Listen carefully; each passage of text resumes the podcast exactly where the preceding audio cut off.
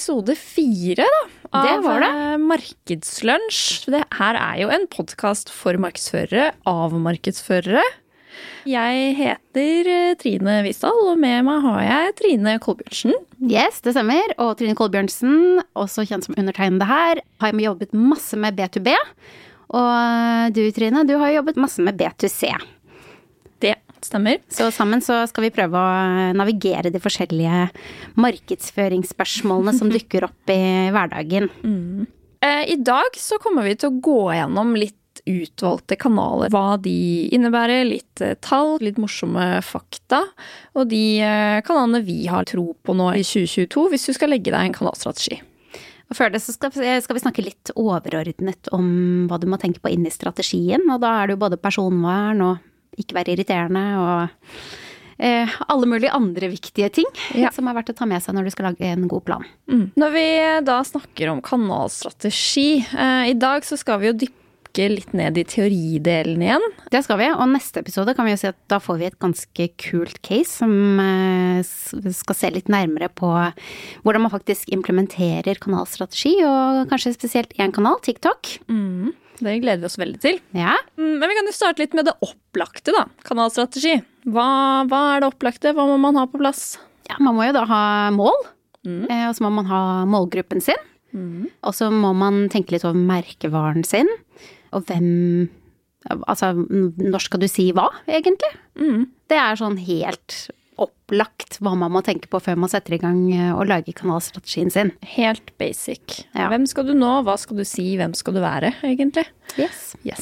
Men så er det jo eh, litt forskjellige ting vi har eh, snakket om da, på kontoret, annet. Når man snakker under kanalstrategi. Ja, det er det. Eh, hørt på kontoret. Det er så irriterende med Snap om dagen. Det er jo nærmest umulig å se en story uten å få servert en reklame. Sa kvinne 30 år forrige uke. Og det syns jeg er veldig betegnende med hva som skjer i kanalene våre om dagen. Og en ting jeg har lyst til å snakke litt om i dag, før vi ser nærmere på de enkelte kanalene, er dette konseptet med reklameirritasjon. Mindshare de har en eh, rapport som heter Reklameirritasjon 2021. Hvor de da følger med på hvor irriterte vi er over eh, reklame i de forskjellige kanalene. Da føler jeg det har gått langt når vi begynner liksom å registrere hvor irritert man, eh, man blir. Ja, ja, kanskje, kanskje det er litt sånn eh, tegn på tidene at vi må følge med på irritasjonsaspektet til folk. Men eh, det vi ser da, er at det har vært en ganske enorm utvikling i irritasjon, om man kan eh, si det. Den siste målingen da i 2021 viste at 46% av befolkningen ofte irriterte seg over reklame. Første gang de målte, som var i 2016, så var det kun 31% som ofte irriterte seg, mens det i dag altså nesten er halvparten av befolkningen mellom 18 og 70 år som irriterer seg over reklame. Ja. Så jeg føler jo at kanskje vi som markedsfører gjør noe galt, da. Vi kjenner Ja. jo litt på det. Ja, jeg kjenner jo det at eh, man revurderer hva man driver med, hvis det bare irriterer. Det er ikke så hyggelig å være de som går rundt og irriterer befolkningen. Men det er jo et godt, øh, godt utgangspunkt for å kanskje bli litt flinkere når man legger kanalstrategi og produserer reklame, egentlig. Kanskje vi må bli klokere i hvordan vi gjør det, heller hjelpe folk enn å bare pushe. For jeg vil jo tro at de reklamene som irriterer aller mest, er de som pusher veldig. Det har jeg ikke noe belegg for å si, annet enn at det er magefølelse. Og kanskje litt sånn øh, common sense. Ja, det vil jeg jo tro. Også her også handler det jo sikkert om eh, hvilke kanaler man skal være i, da, og hva man sier i hvilke kanaler. Og kanskje være litt bevisst på å tilpasse seg kanalen man er eh, i. Altså om du er på eh, LinkedIn og kanskje er ute etter faglig innhold, eller om du sitter på TikTok og scroller lørdagskvelden og egentlig bare har lyst til å bli underholdt, så, så er du jo ute etter forskjellig type innhold. Ja, og da må jo vi som leverandører av reklame tilpasse oss det, egentlig. Mm. Kan ikke være på latsiden der. Eh, og en ting som har skjedd de siste årene, er jo at eh, man bruker mye mer penger på online-reklame. Én til én, og at plattformene dermed blir overlesset med reklame. Eh, og det kan jo være med på å skape irritasjon, nettopp som kvinne 30 eh, beklaget seg på kontoret over at eh, hun fikk så mye reklame i Snap-kanalene sine. Og det er fordi det er blitt enkelt, det er blitt lett tilgjengelig, og det er billige kanaler, relativt sett, å, å være i før i tiden, om man kan si det sånn. På 2000-tallet, eller 1990-tallet, så var det jo altså det var TV, radio, det var boards, det var helt andre plattformer man kunne benytte seg av, som, som kostet ganske mye større andeler av markedsbudsjettet. Så det var mindre trøkk på reklamefronten. Mm. Så jeg tenker at det kanskje har noe med eh, sammenhengen å gjøre. Ja, absolutt. Eh, og så tenker jeg jo at eh, denne kvinneidrett ikke hadde syntes det hadde vært irriterende hvis ikke hun hadde tenkt på det som reklame. Altså hvis, Hun er jo på Snap for en grunn, ikke sant. Så hvis hun hadde fått opp noe der som hun syntes var interessant eller morsomt, så hadde hun kanskje delt det da med vennene sine istedenfor å irritert seg over at det igjen var en eller annen reklame i veien for å, istedenfor at hun kunne se stories, f.eks. Mm. Ja, vi, vi, satt jo her eh, akkurat for et lite øyeblikk og snakket om at vår gode produsent hadde lest et reklameblad fra Cappelen med årets anbefalinger til bøker. Mm. Og det opplevdes jo da som god, godt innhold som mm. var interessant å få med seg. Underholdende, la flere til på leselisten. Ja, og det er sikkert mer av det. Mer mm. av sånne type ting. Mm. Det var jo også en helt annen reklamekanal. Det var jo faktisk et fysisk eh, blad. Ja, absolutt. Så jeg syns jo det er bra når du da leser gjennom nesten halve før man innser at oi, alle bøkene er fra Cappelen Cappelen Dam, ja. Her var det, her var det reklame. Ja. ja. Så det er mer av det. Og det, dette er jo, går litt tilbake til dette vi har snakket om tidligere også, med viktigheten av merkevarebygging. Fordi hvis merkevaren din lager reklame som irriterer, så hjelper jo ikke det deg med å bygge en sterk merkevare. Det bygger en negativ merkevare. Mm. Eh, og dette er jo også hvorfor vi i Markedssjefene snakker mye om dette om dagen, mm. og vektlegger viktigheten av å bygge en sterk merkevare. Mm. Kanskje man heller må begynne å se på å produsere mindre reklame, eh, men av høyere kvalitet, og som er mer gjennomtenkt. Så det er én ting å ta med seg når man skal legge en kanalstrategi. Du har jo med en litt sånn interessant eh, anekdote og vinkling fra en kunde.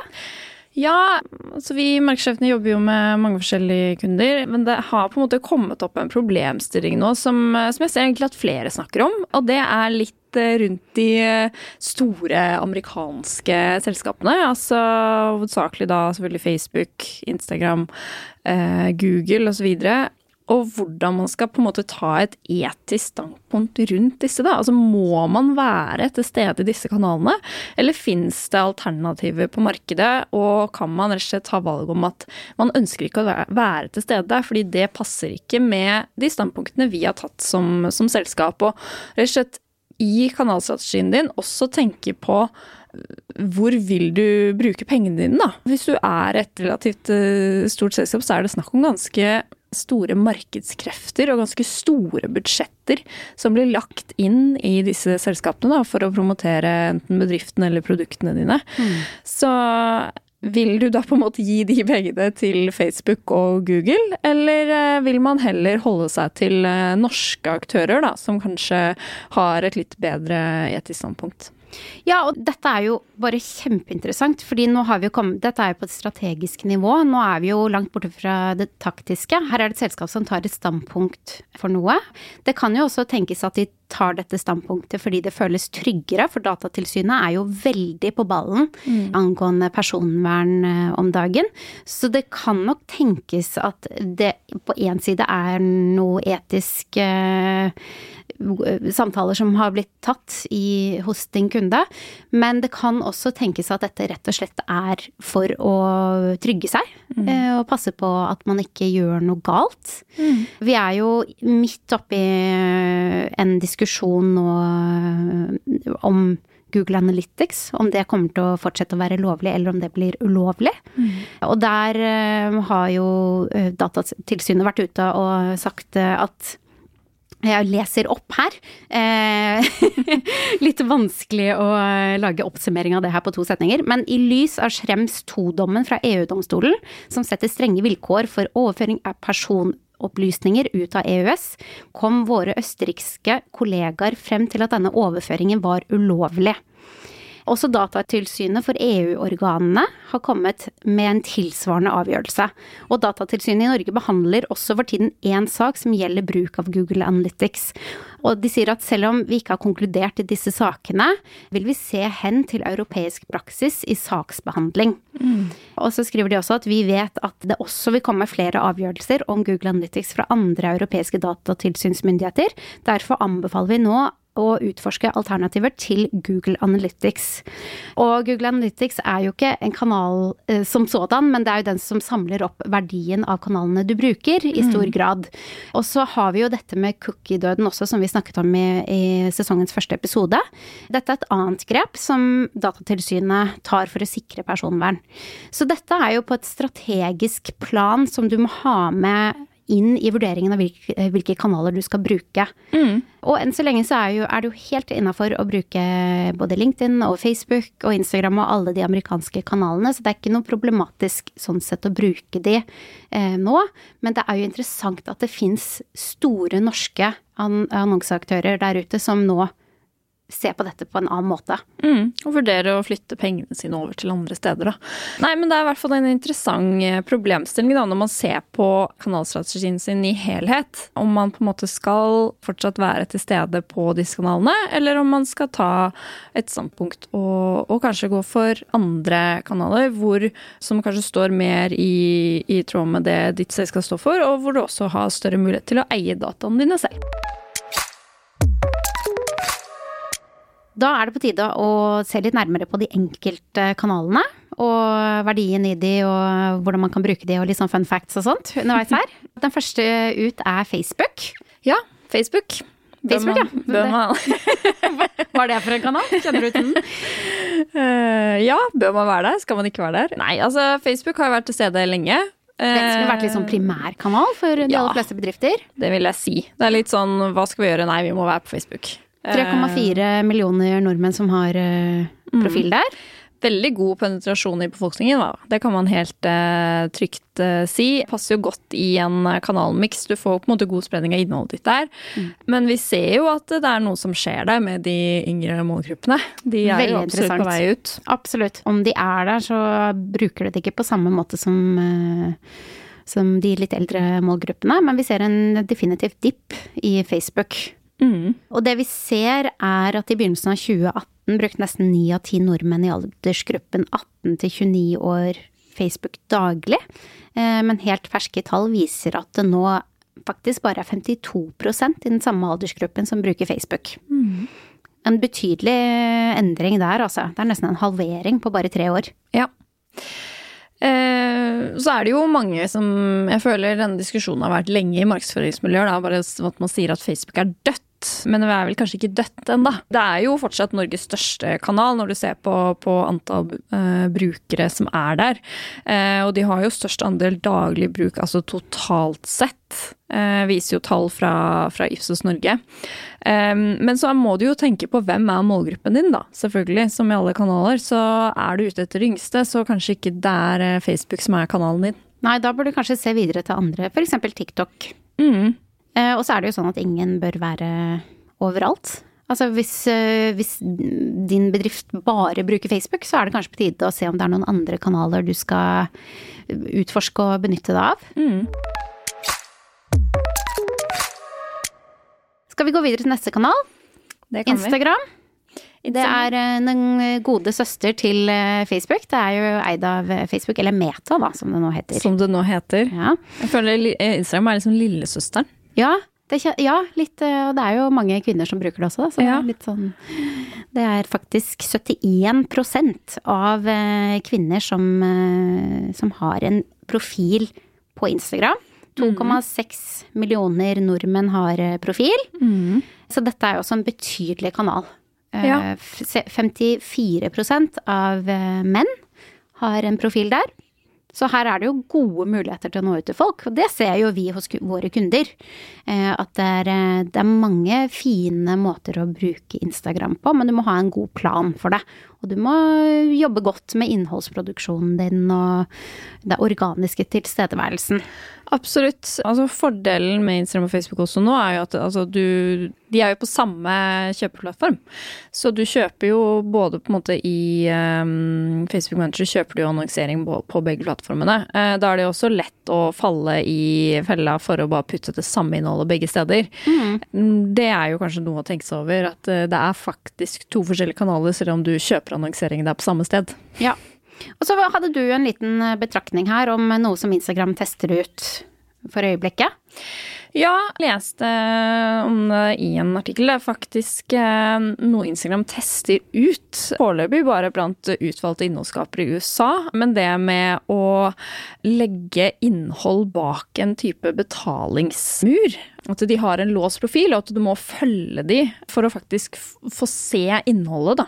På samme måte som vi har sett på andre plattformer fram til nå, og i Norge fortsatt, så ligger jo alt på Instagram eh, åpent, hvis ikke brukeren selv velger å, å ha lukket profil.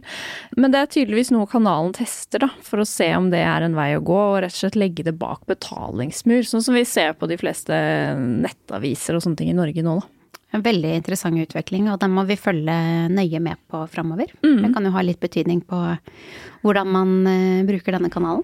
Absolutt. Det er sånn spennende å se da, om uh, brukerne på å si godtar det. Uh, og om de, om de, da vil faktisk betale for å se det innholdet, eller om de da bare går til andre kanaler i stedet. Mm. Jeg har et spørsmål. Mm. Vet du hva Norge og Saudi-Arabia eh, har til felles? eh, nei. Nei? Nei, skal jeg fortelle deg hva de har til felles? Ja, gjerne. Vi er de to landene med størst andel av befolkningen på Snap. Ok, kult. Ja, Det mm. er litt sånn uventet fakta å få med seg i hverdagen. Mm. Eh, liten fun fact der om Snapchat, som jo også er en, eh, en betydelig kanal. To millioner nordmenn som har profil.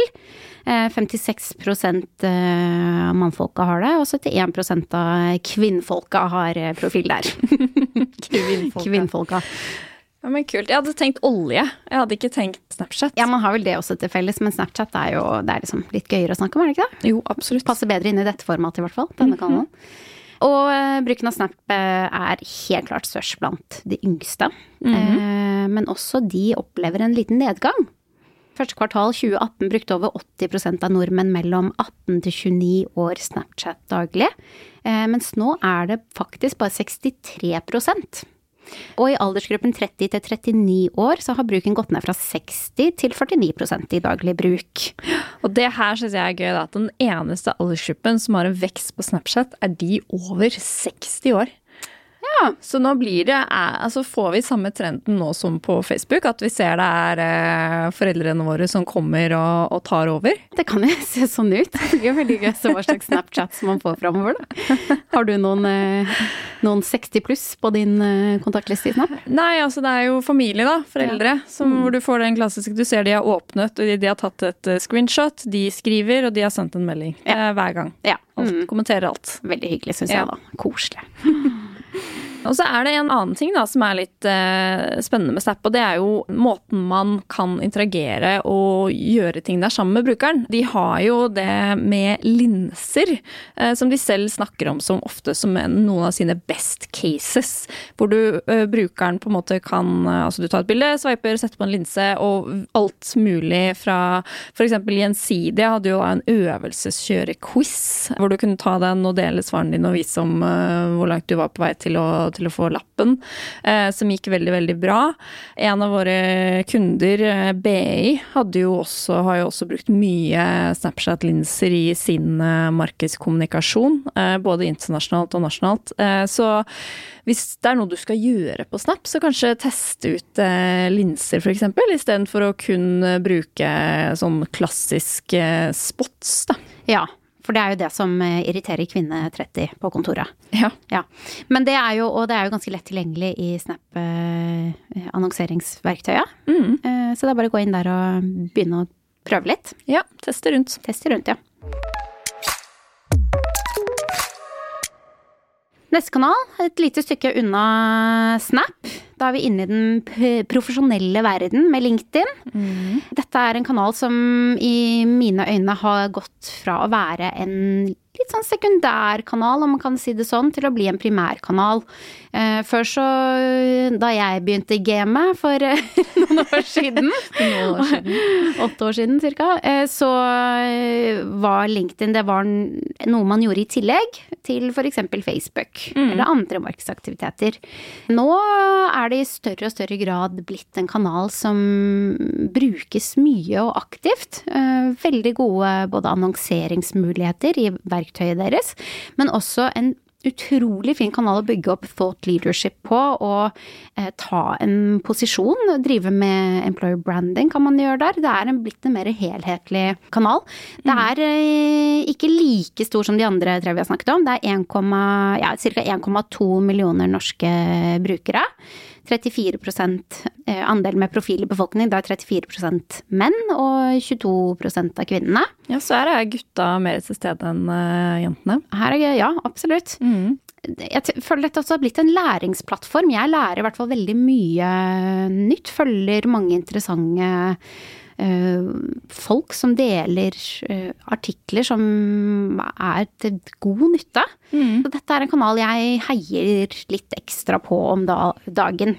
Ja, jeg er enig. Eh, Jeg syns det har gått eh, litt mer vekk fra sånn kanskje kun fokus på hva man har fått til og hvem som har fått nye jobber og sånne ting, til å bli mer en læringsplattform, som du sier. Du ser liksom de innleggene som blir eh, løftet og kommer frem, er ofte interessante innlegg med meningsbeining og med teori og ting du kan lære av, da. Ja, absolutt.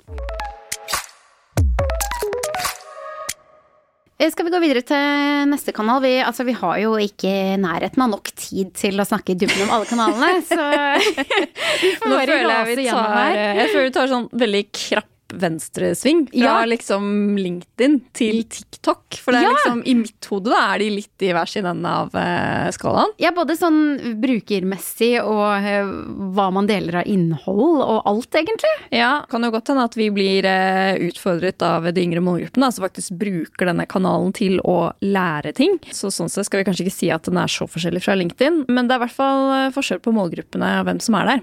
Absolutt. Hvem er det som er på TikTok, da? Nei, eh, vi ser jo at det er ikke like mange der enda, men det er jo absolutt en voksende kanal. Det er vel en av de kanalene som vokser mest, tror jeg. Ja, det er i hvert fall en Eh, ganske bratt kurve oppover eh, her. Ja, helt klart. Rett under 900 000 har en profil der. 21 av eh, norske kvinner, 22 norske menn. Så der er det ganske jevnt fordelt også gjennom kjønnene. Ung, eh, altså Opinion slipper jo hvert år eh, sin Ung 2022-rapport. Og der kom de jo med forslag på hvordan man på en måte skal gjøre det bra da, på TikTok. Da må du tenke i moduser. Og de okay. introduserte fire forskjellige moduser. Nummer én, det var imponert. Eh, altså gjøre ting som man, andre blir imponert av. Altså disse korte videoene hvor du løper opp en vegg og, eller lager en kjempepyramide av mennesker eller Ja, eh, sånne noe som får deg til å si wow. Ja, wow-faktoren. Ja. Mm. Inspirert. At du blir inspirert av andre. ja. Så er det jo det å bli underholdt. Ja. Eh, her føler jeg førstegangstjenesten er jo fin ting å dra inn. Der er det jo veldig mange klipp hvor du hører eh, på en måte lyd eller stemme fra førstegangstjenesten, og så gjør de ting til klippene i stedet. Mm. Og så er det det å slappe av. Ja, den her syns jeg var litt rar. Kan du forklare litt, litt mer hva Nei, Det det er visst flere unge som uh, sier da i type dybdeintervjuer at de går på TikTok om kvelden for å se på videoer for å kunne slappe av og koble ut og klare å sovne. Og det kan være videoer fra litt sånn mindfulness til at du ser på en måte en skitten mobilskjerm bli vasket så den blir helt ren, eller at du ser at de tegner perfekte mønstre i sand, eller sånne ting da, som liksom får deg til å slappe av. Det er veldig artig. Så de har liksom sett på morsomme videoer gjennom konsept, hele ja, Se på video gjennom hele dagen, Nei, giret er der, og så må du bare se på en rolig video for å klare å slappe av. Men eh, lærerne kan kanskje gå hjem og gjøre det i kveld, da. Se på mobilen som blir vasket. Det er Veldig... Men eh, interessant det med moduser, og det tenker jeg det kan vi godt ta med inn i de andre kanalene også. Og tenke hvilke modus er det folk ønsker å være i. Jeg tror eh, Altså inspirert og underholdt. Kanskje ikke så mye slappe av i LinkedIn, men det er jo flere av disse modusene som går igjen i de forskjellige kanalene. Jeg syns det er en god måte å tenke på når man skal produsere innhold. Ja, det er det. Uh, og inspirert går jo mye på sånn do it yourself, altså alt mulig. Der syns jeg jo Fabric er ekstremt gode der. Ja, Fabric til Jenny Skavlan og Ja. eh, co. De lager jo masse artige symønstre. Ja, de er jo dronningene av eh, inspirert på TikTok, føler jeg. Ja, virkelig. Um, virkelig. Og TikTok skal vi snakke mer om i neste episode også. Skal vi gå i dybden, skal vi få stille alle spørsmålene som vi lurer på. Mm. Det gleder jeg meg veldig til. Vi har neste kanal. Eh, Det er programmatisk eller display. Ja. Mhm. Hva, hva kjenner du til om programmatisk på display? Du har gjort, jobbet mye med det hos kundene våre. Ja, jeg har jobbet mye med det hos kundene våre. Det er jo en um, typisk breddekanal som man gjerne kjøper i tillegg til synlighet på f.eks. sosiale medier. Før så måtte du jo gjerne gå via de store, eh, altså kjøpe det gjennom et mediebyrå. Før vi går videre, definere hva programmatisk er. Det er disse annonsene sånn hvis du er inne på VG, så kommer det opp bilder på siden, for eksempel. Mm. Det er programmatisk. Ja, eller det er display, og programmatisk er måten du kjøper på. Hvis du kjøper programmatisk, så kjøper du datadrevet. Ja. Eh, Eller så kan du jo si 'jeg vil være på VG fra 10 til 12'. Da kjøper du akkurat den plasseringen. Ja. Men når du kjøper eh, programmatisk, så er jo alt datadrevet. Nettopp. Mm. Ja, så algoritmene bestemmer når det er fordelaktig å være til stede, Ja. og hvor. Ja, I forhold til hva du byr. Ja. Men ja, som sagt, før så måtte du jo på en måte gå via et mediebyrå, men nå finnes det jo plattformer som blant annet Delta, som vi bruker i markedssjefene, Ja. som gjør at man enkelt kan egentlig gå inn og gjøre det selv som bedrift. Og det er ganske spennende. Mm. Mm.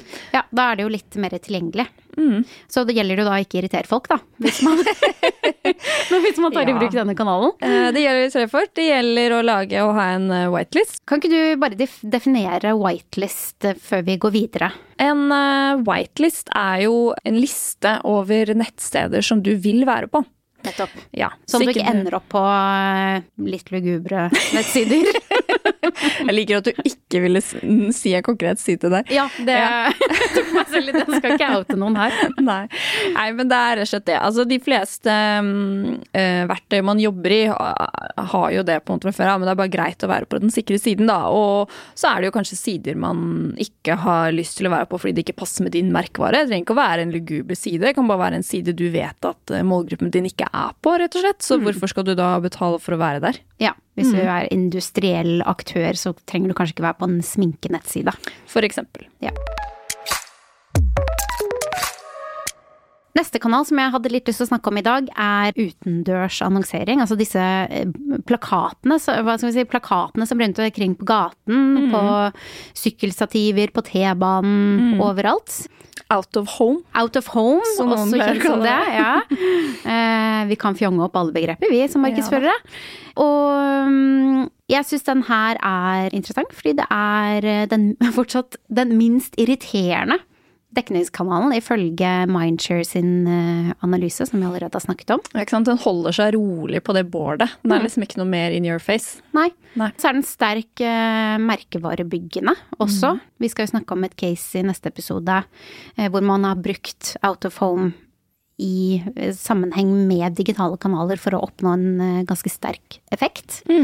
Så jeg syns dette her er en kanal man kanskje skal begynne å tenke litt mer på. Det koster jo litt mer enn kanskje en Facebook-annonse. Men hvis du har et mål du skal gå etter, så er nok ikke det her eh, en dårlig kanal å bruke.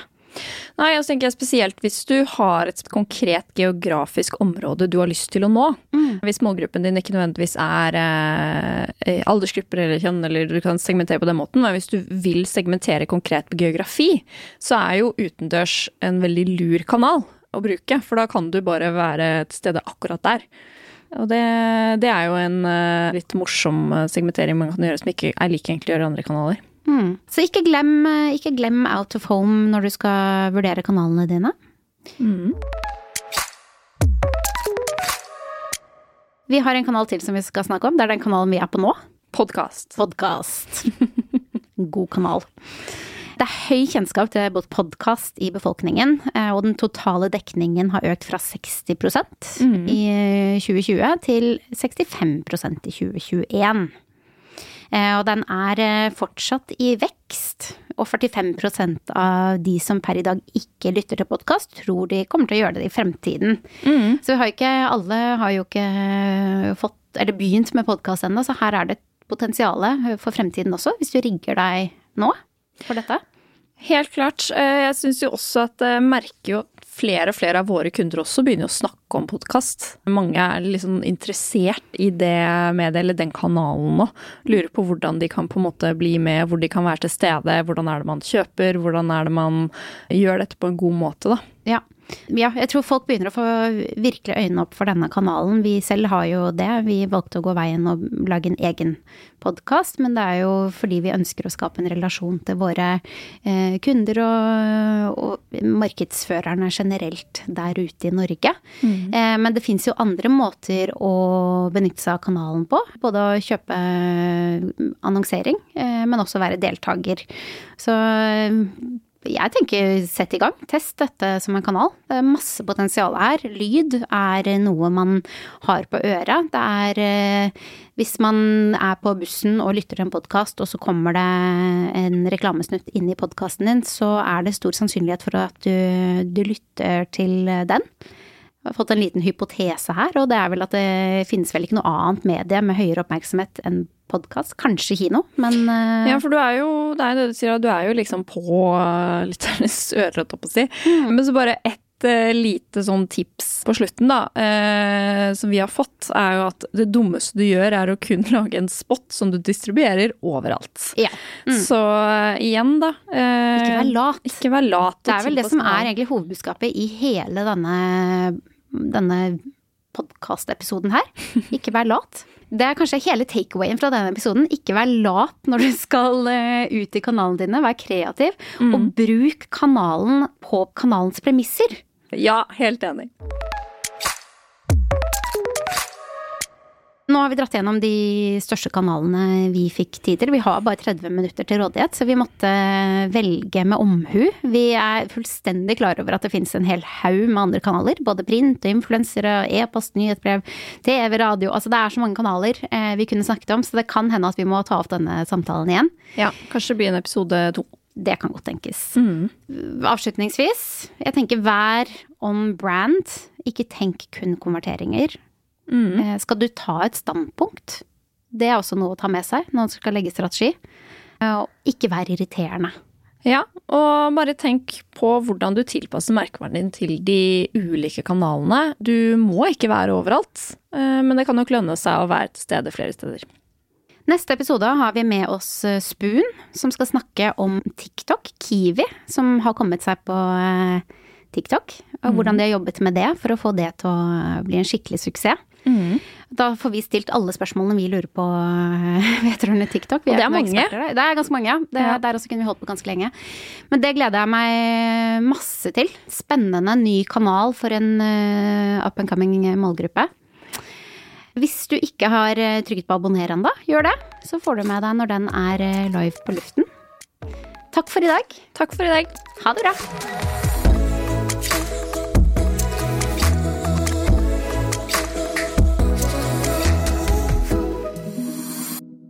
Denne podkasten er produsert av Freemantle Podcast for markedssjefene.